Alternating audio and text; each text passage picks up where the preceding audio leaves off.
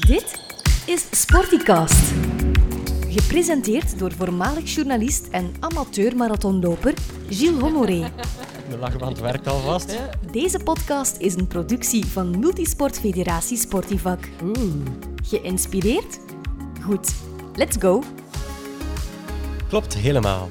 Ik ben Gilles en vandaag zit bij mij in de studio niemand minder dan Hanna van den Bussen. Hanna, welkom. Dankjewel. Dankjewel om naar Zwevenhem te komen. Dat is heel graag gedaan. Met de fiets dan nog. Ik hoop dat je niet helemaal van Leuven eh, tot hier bent gefietst. Ik had nog even getwijfeld, maar, maar eh, nee, nee. Ik, kom, eh, ik heb overnacht bij mijn ouders. Dus, en met de plooifiets was het maar vijf kilometer. Dus Oké. Want je woont in, in Leuven, in Heverlee, maar je bent wel degelijk een echte West-Vlaamse. Ja, mijn roots liggen in uh, Bachten de Kuppe. En ik ga ook nog altijd heel graag eh, naar daar. Maar ja, we zijn dus enkele jaren al definitief naar, eh, naar Leuven verhuisd. Oké.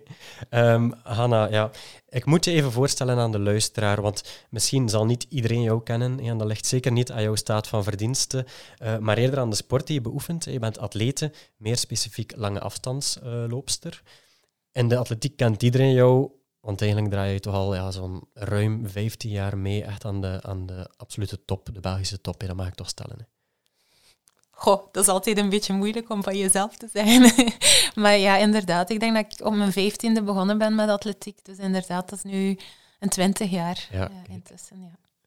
Ehm, ik probeer de luisteraar een beeld te geven wie hier in de studio zit. Eh door volgende ja, oplijsting, zeg maar. Ga heel veel niet opsommen ook natuurlijk, eh, anders is dat een onbegonnen wer- werk. hè. Maar dus, je hebt zes Belgische titels op zak, dat klopt. eh, waaronder eh, eentje op de 10.000 meter, eentje op de 10 kilometer. Eh, Voor de luisteraars, eh 10.000 meter zeggen we als het op de piste is, 10 kilometer, dat is dan op de weg. Ehm, twee titels op de halve marathon, Mhm. eentje op de marathon en een Belgische titel in het veldlopen. Ja, dat, klopt. klopt, denk ik. Ja. Eh, dan, daarnaast nam je ook deel aan Europese kampioenschappen veldlopen, eh, het WK marathon en je liep eigenlijk in totaal al 14 marathons. Kan dat kloppen? Dat klopt, ja. Oké. Ehm, nu, we gaan er straks nog wat dieper op in, uiteraard. Maar neem ons misschien eerst eens mee naar het begin. Wat was voor jou, of was het voor jou meteen duidelijk eh, dat je zou lopen, of heb je eerst andere sporten geprobeerd? Eigenlijk in principe, voor mijn vijftiende heb ik nooit aan sport gedaan. Ehm, ik was ook niet zo sterk in, in lichamelijke opvoeding op school. Maar het viel wel op dat ik in de les, als het eh, ja, lopen was, dat ik wel ja, de beste was van de klas. Eh, ik ging toen heel braaf naar de muziekschool. Ik Mhm. volgde pianoles, voordracht, toneel. En ik zocht ja, op mijn vijftiende toch iets van, om, om iets van beweging te doen. En, Ja. en toen kwam ik in de atletiekclub van, van de Xmuiden terecht, in MACW. En de trainer daar hadden al redelijk snel aan om, om een valnummer aan te schaffen, dus een competitienummer. Eerst wou ik dat niet, omdat ik echt dacht van ja, lopen, ik doe dat nu voor, voor het plezier. Ehm, maar dus mijn eerste cross in Beernem viel dan ineens wel heel goed mee, dus dan was ik derde. En sindsdien is het begonnen. Dus dan ben ik eigenlijk altijd ja, veldlopen gaan doen. En in de zomer al een beetje piste in het begin. Ja. En dan, ja, die microbe van de competitie zat er dan toch, toch redelijk snel in. Oké, dus ja, van- vanaf je vijftiende, dat is inderdaad niet, niet bijster vroeg. Hè. Velen starten zoiets al vanaf ja, Benjamin, eh, Mhm. pupil. Ehm, bij jou dus niet. Ehm, ja, je boekt dan ook meteen dus een derde plaats in zo'n veldcross. Dus het was voor jou wel meteen duidelijk dat je dat, je dat crossen wou gaan doen, of komt dat toch nog wat later? Goh, in principe ja, is mijn eerste liefde, en dat is nog altijd zo, het, het veldlopen geweest. En ja, ik herinner mij ook, ook al is dat nu al twintig jaar geleden, die veldlopen in Beernem nog heel goed. Eh, ik had 's middags kip met frietjes gegeten. ik was daar niet zozeer mee bezig. Ik had toen ook een heel goede vriendin in de club die, die mij kwam ophalen. En ja, dat was zo... We kwamen dan ook twee uur en een half op voorhand toe daar. Ehm, spikes aan, drie kwartier voor de wedstrijd, om zeker te zijn Ja. dat die spikes niet zouden afvallen of zo. En dan die wedstrijd zelf herinner ik ook nog altijd dat mijn toenmalige trainer Willy van Dalen riep ja, Hanna, ik- je kan hier podium halen. En die woorden, ja, dat blijft soms wel nog een keer terugkomen tijdens andere wedstrijden. En uh, ja, ik heb ook mijn, mijn prijs van toen nog altijd. Dat was zo'n een, een nu wel ouderwets pakje van Soconi. um, maar dat ligt er nog altijd en ik ga dat ook nooit, nooit wegdoen. Ja, mooi. Um, nu was het dan ook vooral jouw toenmalige trainer die voor jou besliste van kijk, Hanna, uh, jij gaat um, veldlopen doen of hoe, hoe ging dat in zijn werk? Goh, ik denk dat dat ook een beetje de eigenheid was van de club daar in MACW. Dus wij, wij trainden toen rond voetbalvelden. Er was geen piste in Dixmuiden. Um, dus onze afstanden, dat was 550 meter of 1200 meter eigenlijk van tijden, waar wij ons niet bewust. Elke, elke training was ook vaak een wedstrijdje tussen alle, alle leeftijden, jongens en meisjes door elkaar. En ja, het was toen ook de traditie van de club om elke week uh, naar een veldloop te gaan. Ja. En uh, ja, ik ging, ik ging eigenlijk al redelijk snel mee en ik kende toen wel een beetje de, de regionale veldlopen van toen. Uh. Zoals je het nu omschrijft, klinkt het zeker niet als een, een traditionele atletiekclub zoals ik die vandaag voor me zie.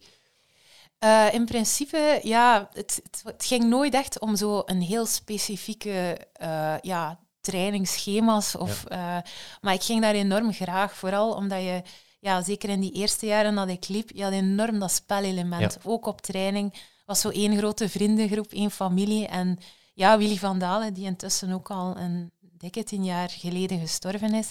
Uh, ik denk daar nog heel vaak aan. Die, die had het talent om mensen van, ja, van allerlei kaliber of kwaliteiten een plaats te geven in de club. Zelfs de personen die, die laatst eindigden, die hadden daar een plaats en die, die werden nooit scheef bekeken of zo. En ja, ik, ik, ik blijf daarnaar te, terugkijken als een, als een hele mooie periode. Ja, plezier stond echt wel centraal. Ja, dat klopt. En dan volgen, ja. die, dan volgen die resultaten duidelijk ook.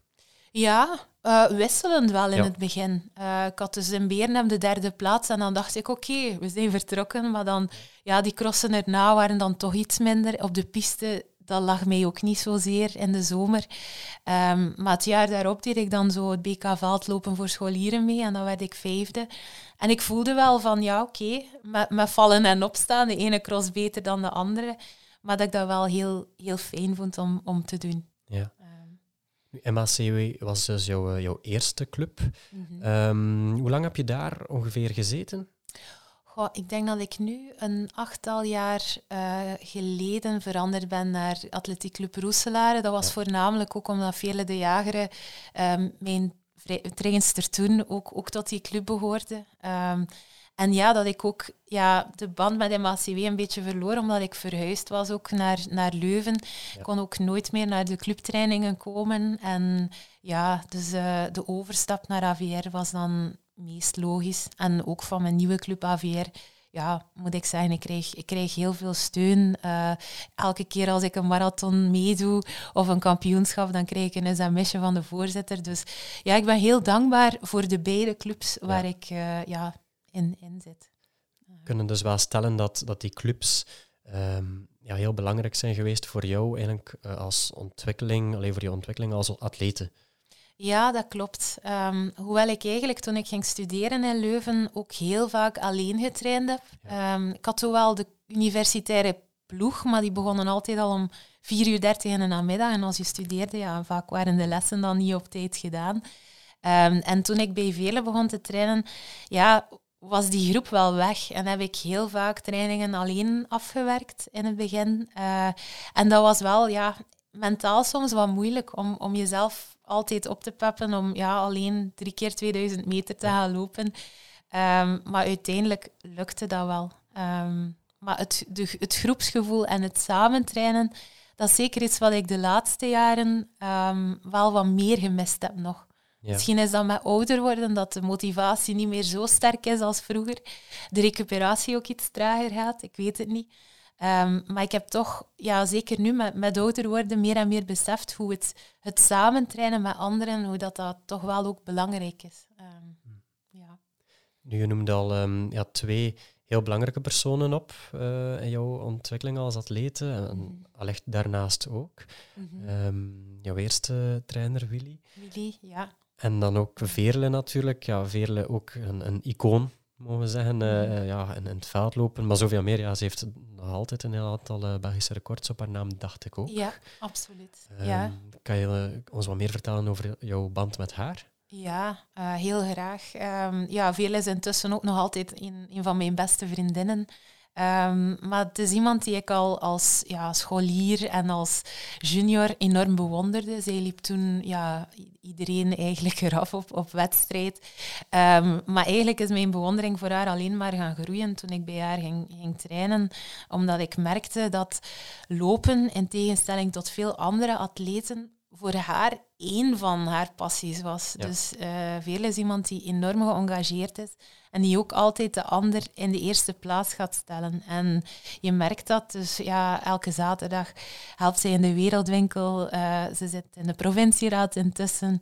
Um, ze doet alles voor haar leerlingen. Uh, nu nog, ja, nu ze gestopt is met haar carrière, nog meer dan ooit. En vooral dat menselijke aspect aan Veerle, ja, dat is iets wat ik enorm bewonder. Um, en waar ik ook zelf, als het zo wat moeilijk gaat, of ik heb een heel drukke periode op mijn werk, ja, waar ik mezelf ook aan optrek. Als ik denk van wat, wat Veerle allemaal gecombineerd heeft, mm. ook tijdens haar carrière, ja, dan denk ik van oké, dan moet ik niet klagen als ik een keer s'avonds in de, in de donkerte moet gaan trainen. Um, ja. Dat is mooi. Ze zal het ongetwijfeld uh, graag horen, maar ze weet het ongetwijfeld ook wel uh, hoe jij over haar denkt. Dat ben ik zeker. Dat denk ik ook. um, goed, we haalden dat al, uh, al wel eens aan, hè, de cross. Nu, recreanten of, of niet-sporters vinden lopen eigenlijk vaak, ja, vaak monotoon. Mhm. Maar atletiek, dat is eigenlijk heel divers. Op de weg lopen is helemaal anders dan op de piste of dus in het veld lopen. Dan heb je nog de kampnummers, horden, sprint, estafette. Ja, Hanna spreekt me tegen, maar ik vermoed dat jij dan toch nooit echt uh, horden gelopen hebt. ik vraag me af waar die vraag vandaan komt. Nee, uh, ik denk dat ik wel mezelf een beetje onderscheid door mijn stijl. Ik ben niet de meest lenige loopster. Um, en ik, heb het, ik moet het vooral hebben van wedstrijden waarin dat ik een zekere vrijheid heb. En als ik naar de piste kijk, ik heb ongelooflijk veel bewondering voor atleten die zo sterk zijn in 1500 meter of in de stiepel, zoals mijn vriend. Maar ik merk al van bij het begin dat, dat de pistewedstrijd dat dat eigenlijk nooit iets voor mij geweest is. Omdat daar, ja, daar telt de prestatie, de tijd zwart op wit. En ja, de, de, de sfeer rond, dat is mijn impressie geweest, is veel gespannener dan, dan op een cross, alsof ja. op een stratenloop of een marathon bijvoorbeeld. Um. Nu, wat zijn nu de ingrediënten om eigenlijk een sterke veld, veldloopster uh, te worden? Goh, echt ingrediënten. um, ik denk dat je wel over een zekere ja, strategie moet beschikken. Um, elke veldloop is ook anders en dat, maakt het ook een eerlijke sport. Je hebt parcoursen bijvoorbeeld die mij minder liggen. Als het een heel snel parcours is, bijvoorbeeld als een cross bijvoorbeeld meer lijkt op een parkloop, ja, dan weet ik dat de snellere pisteloopsters wel beter zullen zijn. Um, maar ik denk, de, ja, wat maakt een goede veldloopster? Ik denk vooral ook dat je moet klaar zijn voor de confrontatie ook met de ander. Veldlopen is veel meer een spel dan, dan andere wedstrijden bijvoorbeeld. Je weet op voorhand veel minder goed wie het zal halen. Je weet wie er goed zit. En meestal als je zegt een pronostiek van de top 5, ja, weet, zit je er vaak niet, zoveel, niet zo ver naast. Maar toch is een veldloop veel onvoorspelbaarder dan zeg maar, een pistewedstrijd of zelfs een halve of een volledige marathon. Is niet per se de, de loopster die het snelst kilometers kan lopen, die het haalt in de veldloop. Dat klopt. Nee, ik denk vooral de loopster die, die heel goed aanvoelt tijdens de wedstrijd. Ja, wanneer moet ik nu doorlopen? Um, die heel goed ook de tegenstandster zo wat kan inschatten. En die ook, denk ik, en dat is een hele belangrijke, heel goed weet heeft van het parcours. Op de slijkstroken bijvoorbeeld, wanneer je moet doorgaan. En dat vraagt een soort finesse tijdens de wedstrijd zelf, dat je eigenlijk op training niet kan gaan voorbereiden, bijvoorbeeld. Nu kan je ons eens uitleggen, um, voor vele luisteraars zal veldlopen misschien een beetje ver van het bed zijn. Heel veel uh, recreatieve lopers dan ook vooral, ja, stappen gewoon de deur uit en, en lopen naar links of naar rechts. Mhm. uh, en, en dat is het zo wat. Kan je ons eens uitleggen, zo'n crossseizoen, hoe dat, dat er juist uitziet? Van wanneer tot wanneer is dat? Uh, ja, voor de jeugd heb je vast regionale veldlopen, je hebt dan nog de Cross Cup kampioenschappen, noem maar op.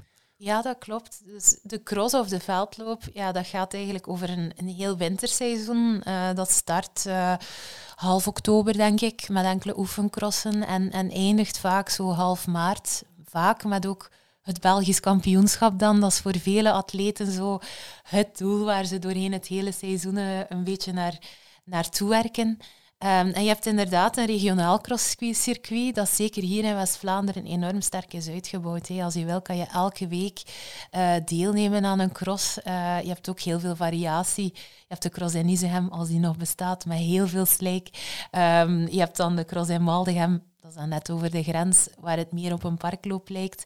En je hebt dan ook het, ja, zeg maar het nationale circuit, de Cross Cup. Um, waar je ook een aantal marges hebt. Uh, het aantal van die marges is spijtig genoeg al wat verminderd bij vroeger. Ik denk dat je er vroeger acht of negen had. Uh, nu zijn dat er slechts vijf of zes, denk ik. Um, en waar je begint met een soort aflossingswedstrijd in Gent. Dus waar je eigenlijk echt als club meedoet. Dus je bent met drie atleten. één atleet die hier 800 loopt, één 1500 en één atleet uh, die dan de drie kilometer doet. En dan ja, verzamel je punten doorheen de verschillende marches en kom je terecht in een klassement. En dan hoop je dat je in de top 5 geraakt en dat je ja, nog iets van prijzengeld kan verdienen op het einde van de rit. Um, dus zo ziet, ziet een seizoen er eigenlijk uit. En ja, het, het eigene aan veldlopen, zoals ik al zei, is dat je ja, op heel veel verschillende plaatsen terechtkomt. Ook plaatsen waar je anders als toerist of als, als Belg nooit zou komen. Je hebt bijvoorbeeld, vroeger had je de cross Endur, die is nu afgeschaft, wat ik persoonlijk wel jammer vind. Maar dat, die cross, ja, um, moest je zeggen van, aan een gewoon persoon van ja, ik heb daar nu dit weekend op mijn trails uh, gelopen in een stormweer. Uh, ja, niemand begrijpt dat. Maar dat spreekt tot de verbeelding. Dat spreekt tot de verbeelding. En, en ja, de, je gaat niet naar een cross voor de schoonheid van het parcours, maar voor die ervaring zelf, uh, voor dat spel zelf. En, en ja, eigenlijk, ja, ik loop persoonlijk bijzonder graag in, in omdat je daar nog altijd ja, die slijks, die modderstroken uh, hebt. Um, dat parcours op zich, ja, je loopt rond voetbalvelden, maar toch heeft dat iets heel speciaals. Uh, het is ook de sfeer er rond die een cross heel bijzonder maakt. Um, je hebt, allee, denk ook wel op regionale crossen heel veel supporters langs de weg. Je hebt ook de prijzenuitdeling achteraf. Uh, hier gaat het dan vaak om Natura-prijzen, maar je kijkt daar toch naar uit. Dat is zo iets, iets heel bijzonders. Je leert ook mensen kennen uh, die allemaal gepassioneerd zijn door hetzelfde. En ja, ik denk dat dat vooral iets is wat mij enorm, nu nog altijd enorm aanspreekt. Je hebt het eigenlijk mooi samengevat. Hè? Eh, samengevat beter. Uh, crossen, ja, het gaat om uh, slijk. Uh, ja, voor, voor het prijzengeld ja, moet je het ook niet doen. Nee. Um, ik herinner me toen ik nog verslaggever was voor Focus WTV, dat ik je ooit eens interviewde in Roeselare. Um, in 2019 uh, na een derde plaats. En je was echt aan, aan het rellen van de kou. Uh, het was koud, het regende. Um, ja, hoe kan je het toch altijd maar weer opbrengen om in ja, die omstandigheden daar te staan? Ik denk dat je het, als je, als je echt een crosser bent, dat je dat aspect er vanzelfsprekend wat bijneemt. Nu, de eerste keer als je een cross deelneemt en het is dan net heel veel regen en wind en je, je moet in dat slijk starten, wie dan niet gewoon is en bijvoorbeeld van de piste komt, vindt dat ongetwijfeld verschrikkelijk.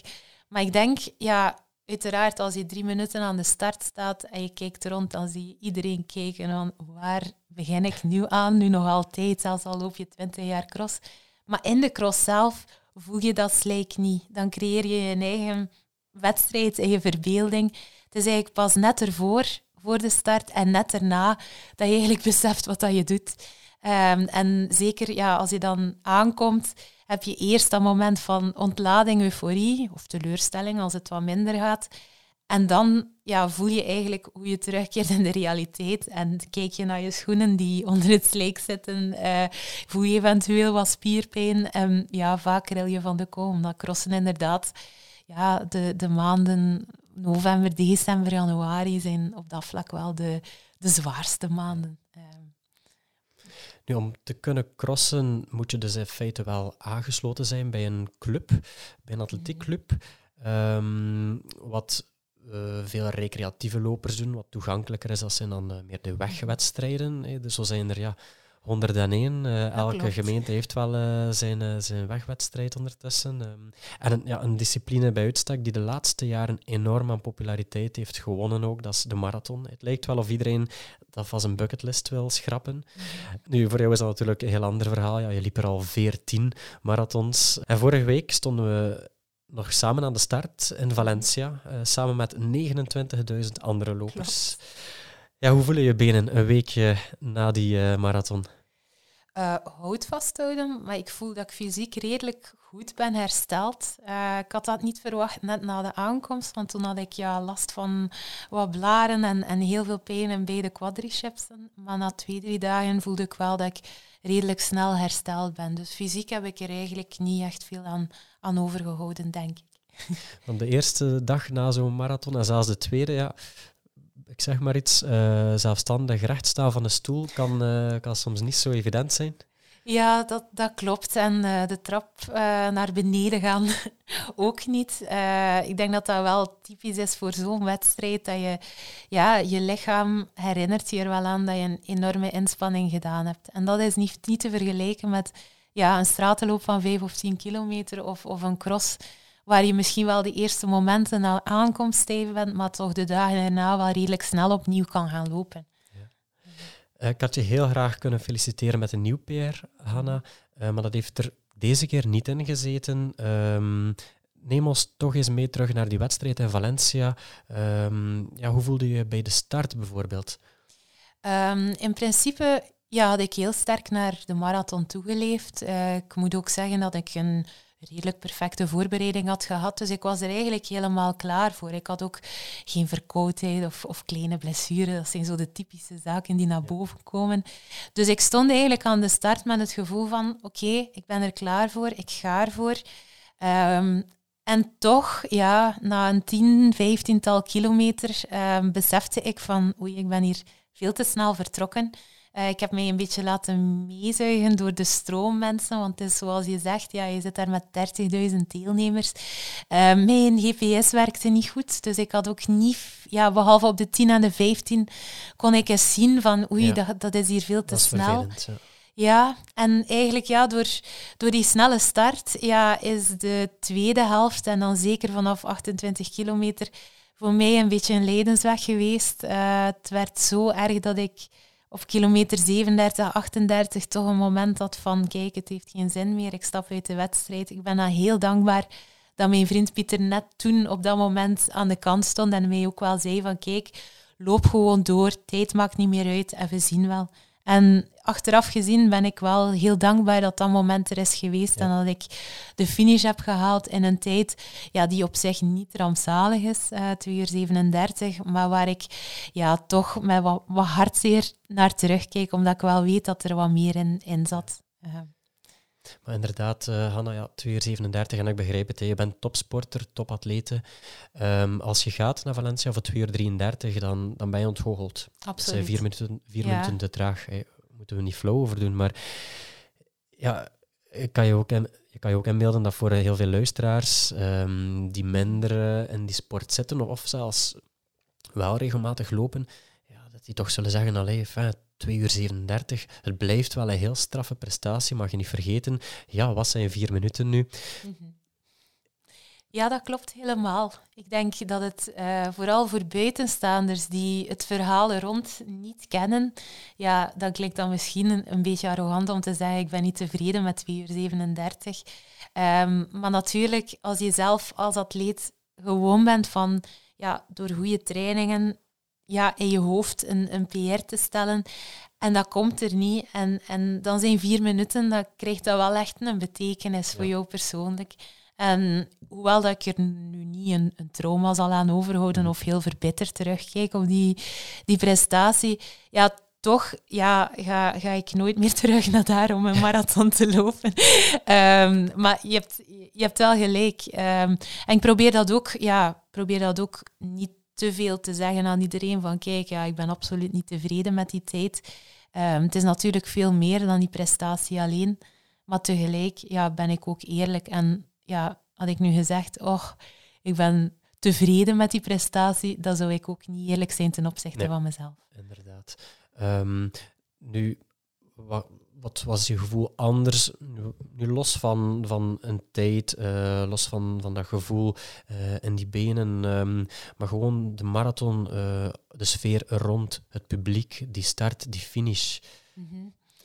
Ja, ik moet eerlijk zijn, doordat mijn ervaring eerder negatief was, ja. Um, ja, is het moeilijk om die positieve elementen eruit te halen. Ik moet wel aangeven, ja, die, spart, die start en die aankomst die zijn heel spectaculair. Ik denk dat er geen enkele marathon is. Ja, oké, in Berlijn loop je ook onder die Brandenburger Tor. Dan, ja, dat is ook heel bijzonder. Um, maar de, het parcours zelf viel mij ook wel wat tegen. Ik ben iemand die heel graag marathons loopt in spectaculaire steden. En ik dacht, ja, Valencia is ook wel zo een. Uh, waar dat ik ook in mijn hoofd ja, heel goed weet wat voor parcours het is en welk, op welke gebouwen ik mij moet concentreren. Maar nu heb ik eigenlijk bitter weinig herinneringen aan wat er stond qua gebouwen of, of eh, ja, op, op het parcours. Um, nu, ik denk wel voor de mensen die, die graag eens een snelle marathon lopen in een mooie stad, is, is Valencia wel heel mooi. Maar nogmaals, doordat mijn ervaring eerder negatief was, ja, is het ook moeilijk om, om nu heel positief over die marathon uh, te gaan vertellen. begrijp ik.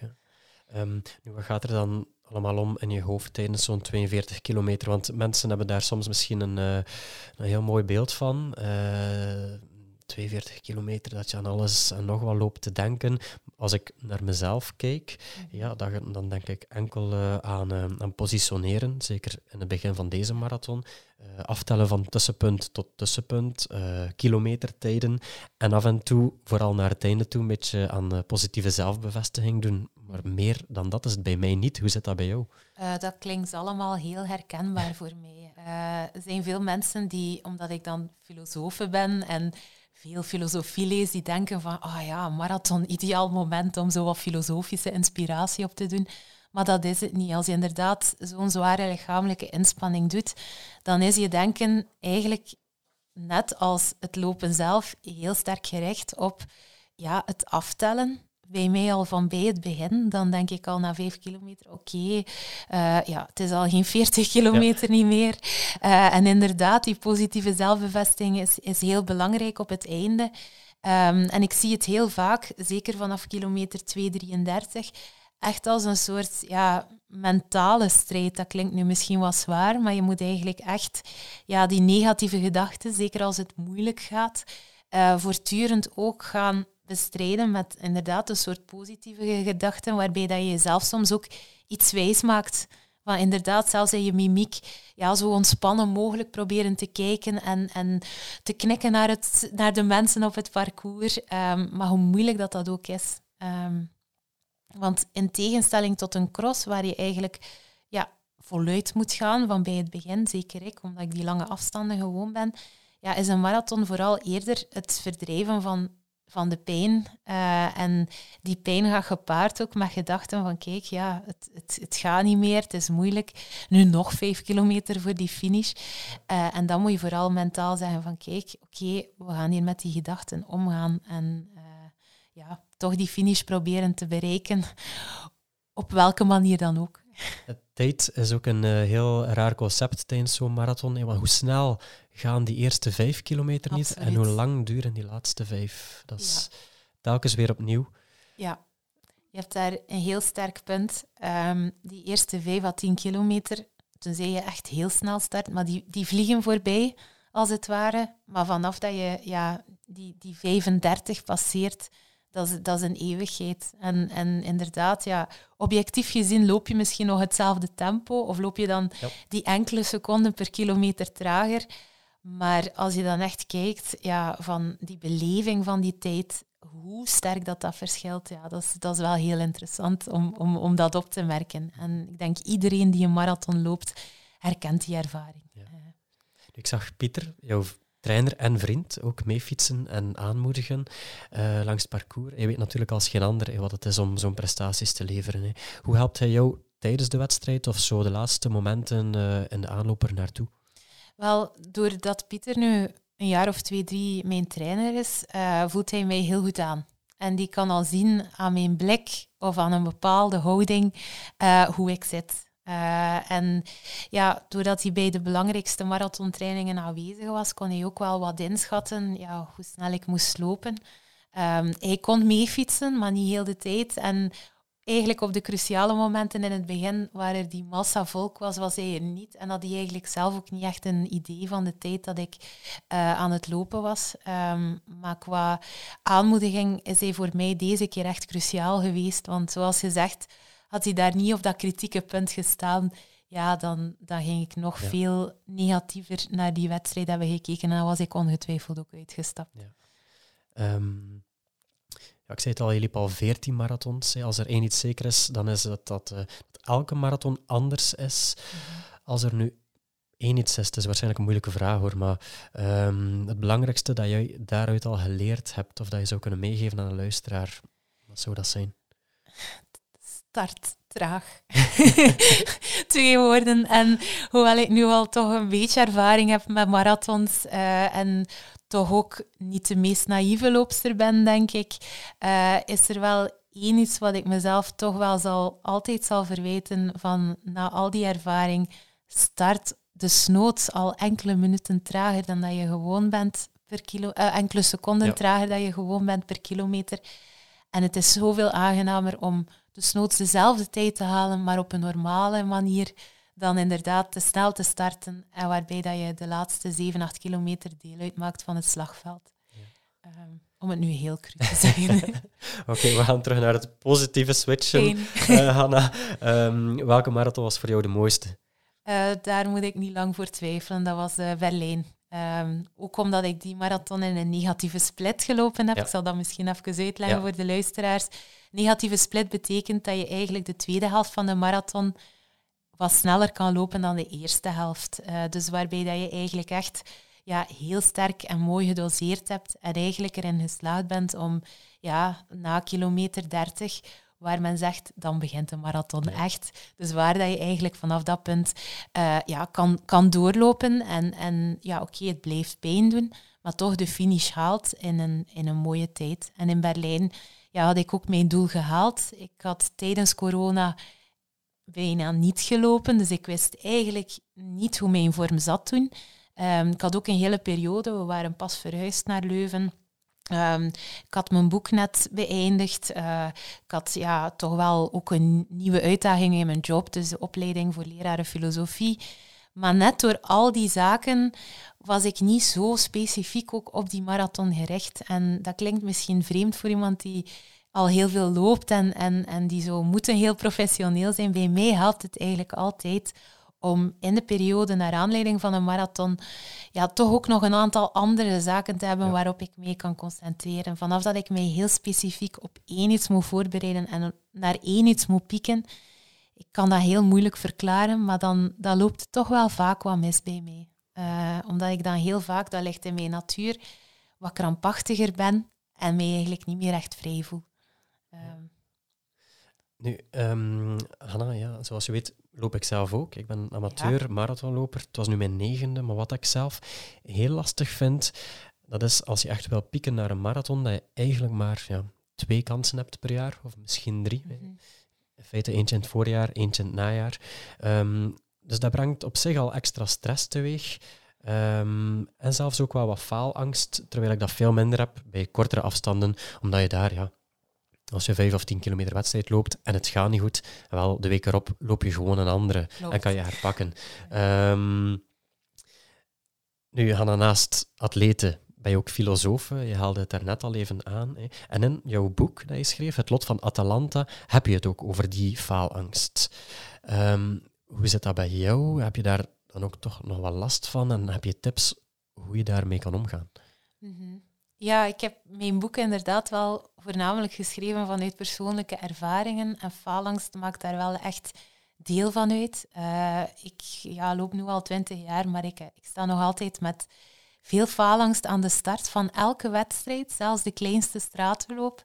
Um, een echte psychologische verklaring heb ik daar niet voor. Um, maar het is ook wel een fenomeen die ik bij andere loopsters herken. Um, bijvoorbeeld, ja, Vele de Jager uh, zei mij ook wel dat hij heel veel angst had. Ook al heeft zij ook ja, zoveel meer nog bereikt uh, dan mezelf. Maar zij, zij leidt daar ook heel sterk aan. En doorheen mijn doctoraat ja, heb ik ook wel mij heel sterk geconcentreerd op emoties en de invloed van emoties op onze beslissingen en op ons denken. Uh, en ik merkte dat je eigenlijk wel die filosofische theorie rond emoties en de manier waarop zij ons denken soms helemaal inpalmen tot zo'n punt dat je bijna beslissingen wil gaan nemen in functie van die emotie. Bijvoorbeeld bij faalangst is het soms zo dat die zo sterk wordt dat ik de week voor een wedstrijd denk van ik, ik wil die wedstrijd niet lopen. Terwijl dat je er zo hard voor getraind hebt. Maar eigenlijk ja, heeft die emotie en die verbeelding die daarmee gepaard gaat, met allemaal negatieve gedachten van het zal toch slecht zijn, heeft hij eigenlijk dat overgenomen. Ehm, en ook dan, ja, het is vaak in atletiek zo dat je mentale strijd moet leveren met jezelf tijdens de wedstrijd. Maar bij mij gebeurt dat soms al echt de week en zeker de uren ervoor. Um, om daarmee om te gaan, heel eenvoudig denk ik, is het van belang gewoon te starten en die faalangst ook in zekere zin wat toe te laten. Um, bij mij bijvoorbeeld helpt het niet om naar een sportpsycholoog te gaan die dan een of andere mentale tool aanleert. Ik denk dat dat heel individueel gebonden is en dat elke atleet wel ergens die faalangst ervaart. Uh, sommigen komen er ook meer vooruit dan, dan anderen. Um, maar je merkt wel, ene keer dat je gestart bent, ook bij die marathon, en misschien heb je dat ook wel ervaren, ondanks alle bezorgdheden dat je ervoor had, de kleinste bezorgdheden, zit mijn veter wel goed gespannen? Uh, of heb ik mijn nummer wel goed opgespeld? Al die zaken, dat verdwijnt gewoon. En ik denk dat het, het doen zelf, de activiteit zelf, zorgt ervoor dat je eigenlijk die, ja, al die negatieve, faalangstige gedachten wel, wel wat vergeet. Ja, een afleiding, afleiding voor de start. Klopt. Ja. Um, vandaar dat ik ook, ja, ik, ik ga nooit geforceerd vriendelijk doen, bijvoorbeeld aan de start van, van een veldloop naar andere atleten. Ik weet ook dat sommige atleten heel gefocust zijn. Um, maar ik probeer toch wat te glimlachen. En al is het maar gewoon een keer succes zeggen aan je tegenstandster. Uh, dat helpt zo wel op een of andere manier. Dat is eigenlijk de, de mooiste vorm van afleiding, omdat je ook, als je rond je kijkt, herken je heel veel van jezelf in die andere atletes. Iedereen heeft schrik voor die start. Ik had geluk, um, ik stond in het startvak samen met um, Christophe Rozen um, van een andere hele goede podcast, uh, The Running Crew. En hij is ook uh, trainer onder andere van uh, Mieke, Mieke Gorissen. Ja. Ja. en we hadden zo'n ontspannen gesprek. Uh, vlak voor de start, ja, je staat daar tussen duizenden lopers en dat doet al zoveel deugd om toch een vertrouwde, ja, vertrouwde stem in mijn geval te horen, want ik had hem nog nooit ontmoet, maar ik kende de podcast wel. Um, en zo hebben wij eigenlijk die, dat aftellen naar de start op een heel ontspannende manier beleefd. En zijn we de eerste kilometers ook echt uh, in elkaars zog gevolgd.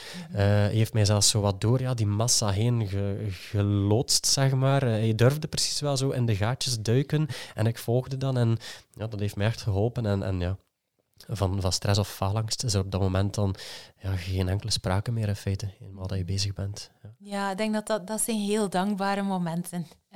want ja, die herkenbaarheid. En ja, Christophe ken ik nu ook wel een beetje, omdat ik wel Mieke goed ken. Uh, en dat is inderdaad ook iemand die ja, zelf ook heel eerlijk is. Die gaat ook zelf zeggen dat hij nerveus is. En, maar tegelijk, ja, dan ontstaat er iets tussen twee mensen die dezelfde emotie ervaren. En ja, dat geeft zo ergens een gevoel van rust, denk ik. En zeker op dat soort momenten, dat zijn zo'n intense momenten, zo net voor zo'n marathon of ook na de aankomst, als je dan een vertrouwd gezicht ziet, dat vergeet je niet. Nee, absoluut niet. Dat zijn eigenlijk tijdens een marathon vergeet je heel veel. Ik kan nooit zeggen waaraan ik allemaal heb gedacht.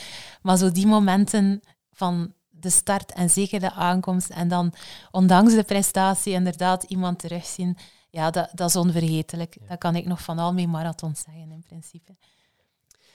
Um, nu, Hanna, in je boek Het Lot van Atalanta trouwens is heel herkenbaar voor lopers, uh, leg je heel knap de link ook tussen bepaalde aspecten van het lopen en de filosofie. Um, wat ik zelf heel mooi vond, was het verschil tussen l'esprit de géometrie en l'esprit de finesse. Uh, kan je dat eens concreet uitleggen aan de hand van de loopsport? Ja, uh, heel graag. Um, omdat het ook een beetje de rode draad vormt doorheen mijn boek en ook een beetje de aanleiding is geweest, dat onderscheid om mijn boek te schrijven. Uh, de laatste tien jaar heb ik heel sterk gemerkt in sport, topsport, maar ook amateursport, mede door de opkomst van, van digitale tools zoals Strava, dat die fixatie op, op cijfers, cijfers in de zin van prestatie, maar ook in de zin van lactaat, tijden, hartslag, gewicht, dat die toch wel veel, veel sterker geworden is dan, dan vroeger. En die esprit de geometrie is belangrijk. Als je een tijd wil neerzetten, dan moet je ergens gericht en specifiek trainen. Dus het is niet zo dat ik in mijn boek de volledig andere kant op ga en zeg van je moet niet geloven in sportwetenschap, uh, je moet niet gaan trainen zonder coach. Zeker niet. Maar ik denk wel dat die esprit de geometrie zeker ook moet aangevuld worden door ja, een ander perspectief, wat ik dan ontleen aan Pascal, de esprit de finesse. En waar het eigenlijk niet zozeer draait om, om cijfers, maar eerder om de individuele betekenis dat je als loper aan je sport geeft. En die betekenis, dat kan niemand voor jou bepalen. Dat kan een coach niet zeggen van lopen betekent dat voor jou. En die finesse, ja, Pascal is zelf een, een, filosoof dat je absoluut niet in een topsportcontext zou plaatsen. Uh, maar die finesse verwijst eigenlijk in zekere zin ook naar de vrijheid dat je ervaart. Niet alleen als atleet, maar ook als mens. Waarbij dat je eigenlijk dat spelelement ook terugvindt en dat onvoorspelbare karakter. Terwijl dat je als je puur leeft volgens de esprit de geometrie, wat dat je nu wel vaak terugvindt. je hebt een uitgetekend trainingsschema die perfect kan voorspellen welke prestatie dat je gaat neerzetten. Dan gaat er denk ik wel iets verloren. Dan ga je eigenlijk enkel leven volgens die cijfers en die prestaties. En vanaf het moment dat het wat minder gaat, ja, dan stort je wereld als het ware ineen. Terwijl dat je, als je die mooie afwisseling hebt tussen geometrie en finesse, waarbij dat je een, dat bredere perspectief hebt, ja, dan, dan houd je het ook voor jezelf, denk ik, meer vol. Um, het is wel ook zo dat je niet altijd die finesse kan, kan toepassen. Um, ik herinner jouw bericht uh, na mijn prestatie, uh, waar dat je eigenlijk heel mooi die, die, die esprit de geometrie en esprit de finesse op jouw prestatie ook had, had toegepast. Ik heb zelf eigenlijk de laat, na de laatste marathon, naar Valencia toe, als ik daar nu op terugblik, heel sterk geleefd volgens die geometrie. Ik heb nog nooit zo specifiek getraind. Dat is atypisch voor, uh, voor Hanna. En dat is atypisch en dat heeft nu ook wel bewezen dat ik niet zo ineen zit. Ik had bijvoorbeeld enorm veel hartzeer dat ik de crosscup moest laten vallen deels, dus geen mol, geen roeselaren. En dan eigenlijk beseft van, ja, misschien moet ik gewoon wedstrijden lopen, moet ik gewoon veel meer naar een marathon toe mezelf verstrooien. Nu natuurlijk niet elke week een wedstrijd, maar ik denk dat ik toen dan met een veel vrijer gevoel aan de start had gestaan dan nu. Ehm, maar dat is natuurlijk heel individueel gebonden. Mhm. Ehm, maar mijn betekenis, mijn finesse die ik aan het lopen toeken, bestaat er wel in om me zo vrij mogelijk te voelen, zowel in de marathon zelf, maar vooral ook in die voorbereidingsperiode. Ja. Ehm, het is misschien ook daarom dat je, dat je ook zo graag in het veld loopt, want daar, ja, die geometrie, ja, echt tijden tellen eigenlijk bijna niet in het veld. Je kan dat niet vergelijken met tijden klokken op de piste. Ehm, en in het veld eh, draait alles bijna om die finesse, om dat gevoel, die inleving in de wedstrijd. Zie ik dat juist? Ja, absoluut. En ik denk dat daarom ook mijn grootste passie in het, in het veldlopen ligt. Omdat je daar ja, niet noodzakelijk de beste loopster wint een veldloop. Ik denk dat een veldloop heel sterk te maken heeft met die onvoorspelbaarheid. Je hebt daar ook geen vapor spike bijvoorbeeld. Uh, ja, de vaporflies voor de luisteraars zijn die fameuze carbonschoenen waarmee dat je toch wel gemakkelijker loopt dan op gewone schoenen. Maar de veldloop op dat vlak is nog eerlijk en ik hoop ook dat dat zo blijft. Je hebt daar geen speciale schoenen voor. Iedereen staat daar aan de start. Zeker bij de vrouwen heb je daar nu 1500 meter loopsters, marathonloopsters, uh, 5000 meter loopsters. En dat maakt het net zo, zo authentiek. En, en dat spelelement, waar die finesse eigenlijk heel sterk mee verbonden is, ja, is, is eigenlijk denk ik nog het sterkst aanwezig in, in dat veldlopen. Ja. Goed, ik verwijs nog een laatste keer naar je boek, Hanna, waar dat we jou dus ook op een persoonlijkere manier leren kennen. Um, je schrijft dat je alleen eens graag een glas wijn drinkt of een croissant eet. Zelfs ook soms gerust de dag voor een wedstrijd. Ehm, ik vind het altijd heel boeiend hoe dat topsporters omgaan met voeding. Kan je ons daar een kleine inkijk in geven? Uh, ja, je moet ongetwijfeld toch bepaalde dingen opofferen, en zeker in bepaalde specifieke wedstrijdperiodes. Uh, ook al ben je dus wel een echte Bourgondier. Ja, dus ik ben, ik ben inderdaad wel, wel een Bourgondier. Um, ik heb altijd wel een beetje weigerachtig gestaan tegenover diëten. Um, maar tegelijk weet ik ook van, ja, dat je in een periode, naar aanleiding van een marathon, nu niet elke dag moet uh, alcohol gaan, gaan drinken. Ik probeer daar voor mezelf eigenlijk een zo sterk mogelijk evenwicht in, in te vinden. Um, ik, het enige wat ik mee eigenlijk ontzeg is ja, gefrituurd voedsel en, en alcohol probeer ik eigenlijk zoveel mogelijk te mijden, chocolade ook. Maar daar blijft het bij voor mij. Uh, omdat ik ook in mijn dichte omgeving dan van, van vrouwen wel merk van ja, je kan wel inderdaad een keer streven naar een soort optimaal wedstrijdgewicht. Maar die grens tussen heel scherp staan en klaar zijn voor een wedstrijd en anderzijds dan ja, waar het doorslaat en te mager zijn en ziek worden of, of net een blessure oplopen, die grens is bijzonder vaag. En ik denk ook nog altijd vandaag is het heel belangrijk om zeker jonge atletes er bewust van te maken dat een gezonde relatie met voeding heel belangrijk is. En dat het veel beter is om twee, drie kilo meer te wegen en 15 jaar te lopen dan ja, door een, een gefixeerde relatie met voeding eigenlijk je passie te moeten opgeven omwille van blessures of ja, een, een eetstoornis. Dus ik ben zelf ook heel dankbaar dat ik daar wel altijd van gespaard ben gebleven. Uh. Zijn er bepaalde toch, uh, rituelen die je hebt, bijvoorbeeld voor een, uh, voor een wedstrijd naar voeding toe?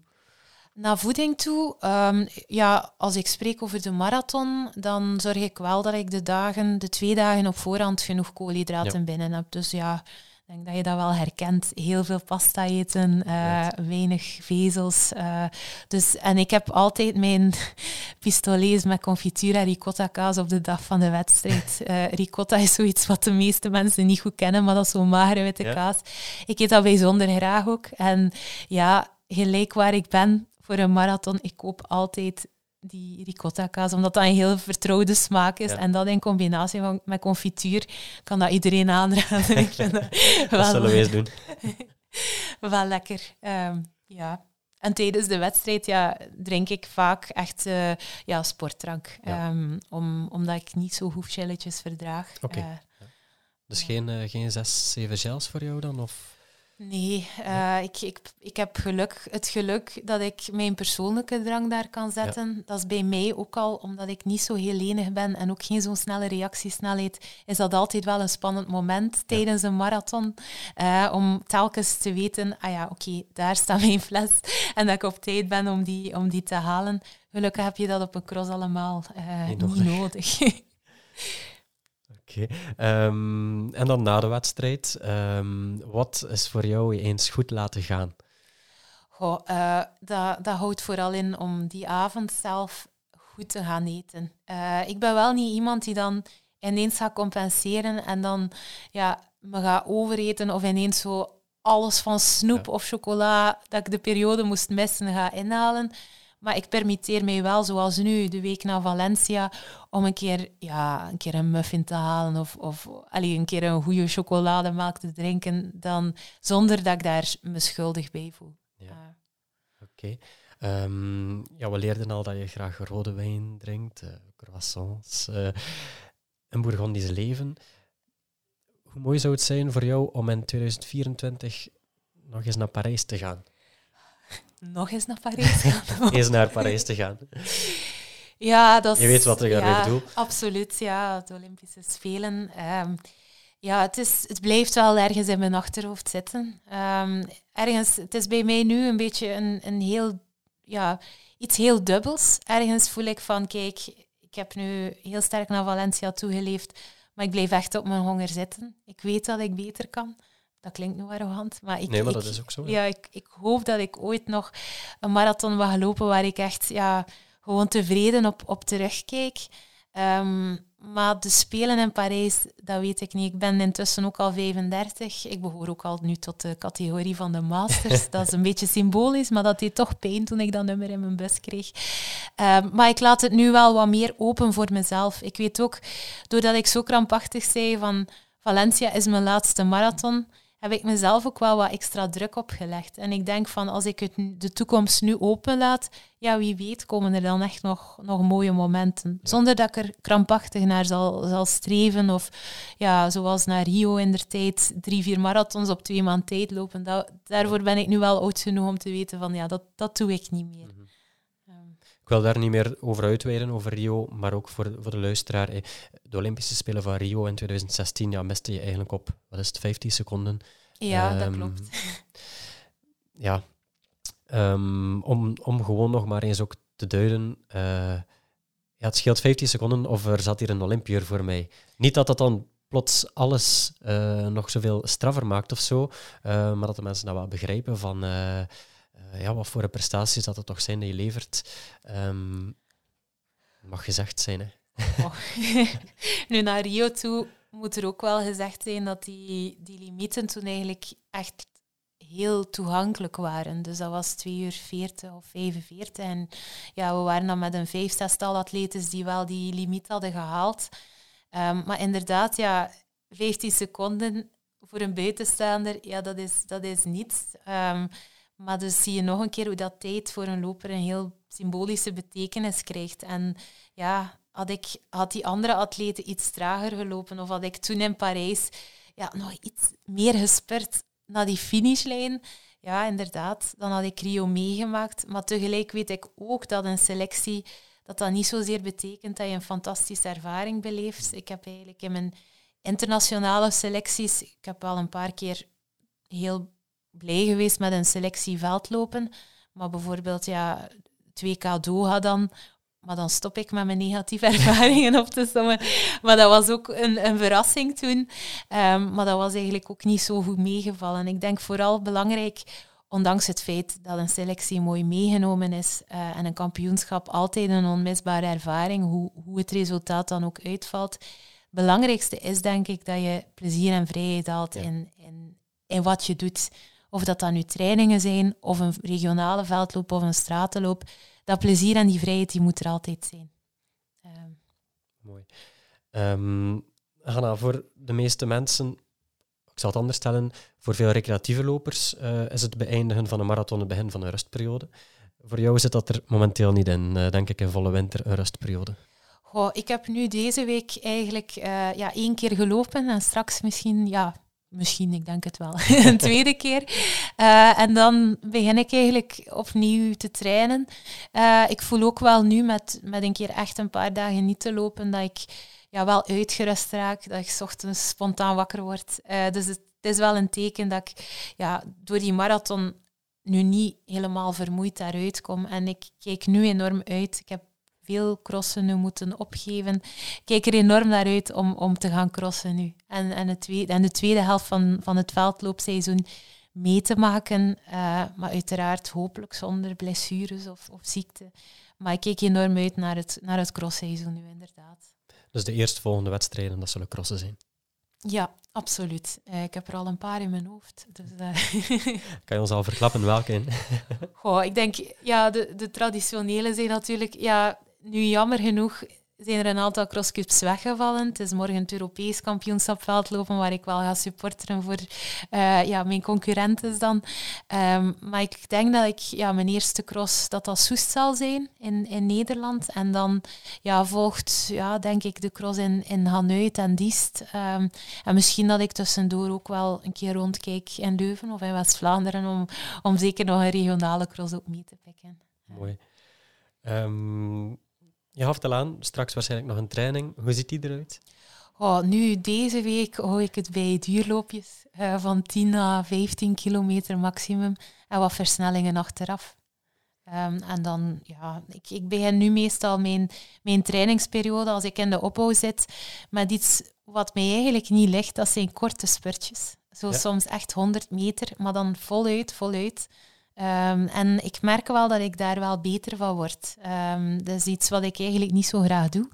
Maar ik weet ook dat het zijn functie heeft. En, en dat ik wel door, door die snelheidstrainingen ook beter word als ik dan een keer een langere tempoloop heb. Dat ik, ja, hoe is dat nu om nu als esprit de geometrie te spreken?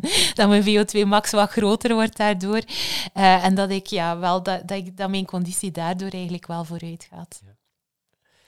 Ik heb nog een paar slotvragen voor jou, Hanna. Um, ten eerste, wat zou jij nog willen meegeven aan de luisteraar die, die alsmaar uitstelt om de loopschoenen van onder het stof te halen? Of de individuele loper die twijfelt om zich bij je loop- of atletiekclub aan te sluiten? Of al wie het nut van vele trainen in de regen en de kou in vraag stelt. Uh, of dat dan nu een recreant is of een topsporter, kan ook. Met andere woorden, als ware je geen filosoof, maar eigenlijk een juriste, graag jouw slotpleidooi voor de o zo mooie loopsport. Dat is een, een heel mooi pleidooi. Um, als ik dan echt juriste moest spelen of advocaat, dan zou ik eerst zeggen dat ik dat ik het wel begreep dat het nu niet de aangenaamste periode is om de loopschoenen aan te trekken. Um, maar ik wil hen vooral behoeden voor die negatieve gedachten op voorhand. Uh, dus je, vermeldt ze zelf al, te kou, uh, de gladde wegen, uh, het wordt snel donker s'avonds. Ik begreep dat allemaal heel goed. Maar zoals ik al zei, net zoals dat je als veldloopster ook die faalangst hebt voor de start, is het gewoon echt belangrijk om die activiteit zelf echt te gaan doen. En dan te beseffen van, kijk, wat ik op voorhand allemaal mee had ingebeeld, dat vervalt nu. En ik geniet daarvan. Ook al is het kou, ook al is het misschien donker. Um, en ik zie dat ik ook, en dat is ook heel belangrijk in het begin, ik zie ook dat ik vooruit ga. Het is altijd heel moeilijk om ja, op te bouwen. Je merkt dat waarschijnlijk zelf ook. Zeker als je een marathon hebt gelopen en je moet opnieuw beginnen trainen. Ja, zeker dat vraagt wel wat mentale weerbaarheid. Maar als je ene keer weg bent en je zit in die routine, dan gaat het net moeilijker worden om te zeggen, ah, ik laat een keer een dag of een training vallen. Uh, en vooral dat wil ik meegeven. Het is een soort routine. Een routine waar je zelf wel een punt moet zeggen van, kijk, gedaan met die negatieve gedachten, ik trek mijn loopschoenen aan, ik vertrek. En dan ga je zelf wel aanvoelen, dat is ook zo'n gedachte van, van de filosoof Pascal, van hoe meer dat je traint, hoe meer dat je die oefening in jou hebt, hoe meer plezier dat je gaat hebben en hoe dat je lichaam en je geest eigenlijk je ook, je ook aanpassen. En uh, dat wens ik iedereen toe. Uh. Dat is mooi gezegd, Hanna. Ik had ook van jou niet anders verwacht. um, dit gezegd zijn, de Sporticast gaat uit van ja, Multisportfederatie Sportivak. Dus wij geloven heel sterk in een brede motorische ontwikkeling. Mm Past atletiek volgens jou in dat plaatje? Uh, ik denk het wel. Um, zoals gezegd ben ik ja, niet zo goed in, in andere sporten. Ik fiets ook wel veel. Maar ik denk zeker naar jongeren toe. En ook omdat ik nu ook al wat meer over sportivak uh, ja, geïnformeerd ben, denk ik dat het vooral heel belangrijk is in die verschillende sporten dat dat spelelement naar boven komt. Dat, dat jongeren uh, niet zozeer meteen in die competitie geduwd worden, maar zoals jullie dat aanpakken met dat spelenderwijs, uh, ook dat plezier, die, die, die, ja, vooral die, die jongeren laten kennismaken met zo'n variëteit aan sporten. Ik denk dat dat heel, heel belangrijk is. Dat ze niet meteen geduwd worden in die richting van ja, sport dat is enkel prestatie. Of sport dat is, allez, dan moet je altijd op het podium staan. Ik vind dat Sportivak dat op die manier eigenlijk heel mooi aanpakt. En uh, ik hoop ook dat, dat veel jongeren ook uh, mee mogen gaan met jullie initiatieven, uh, want ik ben er zeker van overtuigd dat dat heel veel zin heeft. Mooi. Um, allerlaatste vraag, Anna. Um, wie zouden we volgens jou zeker eens moeten uitnodigen bij ons hier in de studio? Ja, ik ben natuurlijk een beetje bevooroordeeld uh, en ik denk natuurlijk altijd aan, aan de atletiekwereld zelf. Maar ik denk toch uh, dat mijn trainster Vele de Jager ook wel eh, heel veel, ja, vanuit haar ervaring, heel veel interessante zaken kan vertellen ook.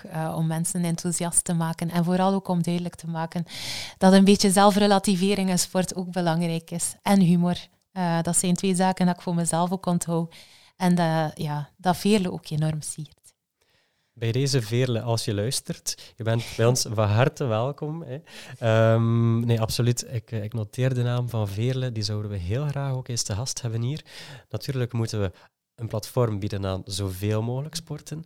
Ehm, dus uh, het komt eraan. Ik, ik, hoop inderdaad dat we veel eens te gast hebben. Um, en tussendoor zullen er nog andere sporten uh, ja, aan bod komen. Is er daarin misschien nog iets dat je zegt van als ik nu eens buiten de atletiek kijk, die of die persoon? Of kan je niet meteen op iemand komen? Oh, dan denk ik wel ook meteen een beetje aan het wielrennen, dat ik ook zo wat, wat volg. En uh, ja, zo een, een Yves Lampaard bijvoorbeeld, dat zou ook wel, denk ik, een heel interessante persoon zijn. Vanwege zijn spontaniteit en, en zijn humor. Uh, ja, ik hoor die ook bijzonder graag in interviews. Om met zijn eigen woorden te zeggen, Movent, Movent, dat is nogal een coureur, dat, dat is nogal een coureur. voilà, dat blijft legendarisch. dus bij deze ook, Yves, als jij luistert, uh, van harte welkom bij ons in de studio. Nee, we zullen zien wat de toekomst brengt. Um, zo, het zit erop. Dit was de allereerste aflevering van Sporticast. Hanna, ik wil je heel hartelijk bedanken uh, om speciaal naar hier te komen en voor je heel aangename gezelschap. Dat is me bijzonder veel plezier gedaan. Dankjewel. En aan de luisteraar, hopelijk heb je ervan genoten. En dan zeg ik heel graag tot de volgende Sporticast. Genoten van deze aflevering? Volg dan Sporticast op Spotify. En volg ons via Instagram om op de hoogte te blijven van nieuwe afleveringen. Sportivak zet iedereen in beweging.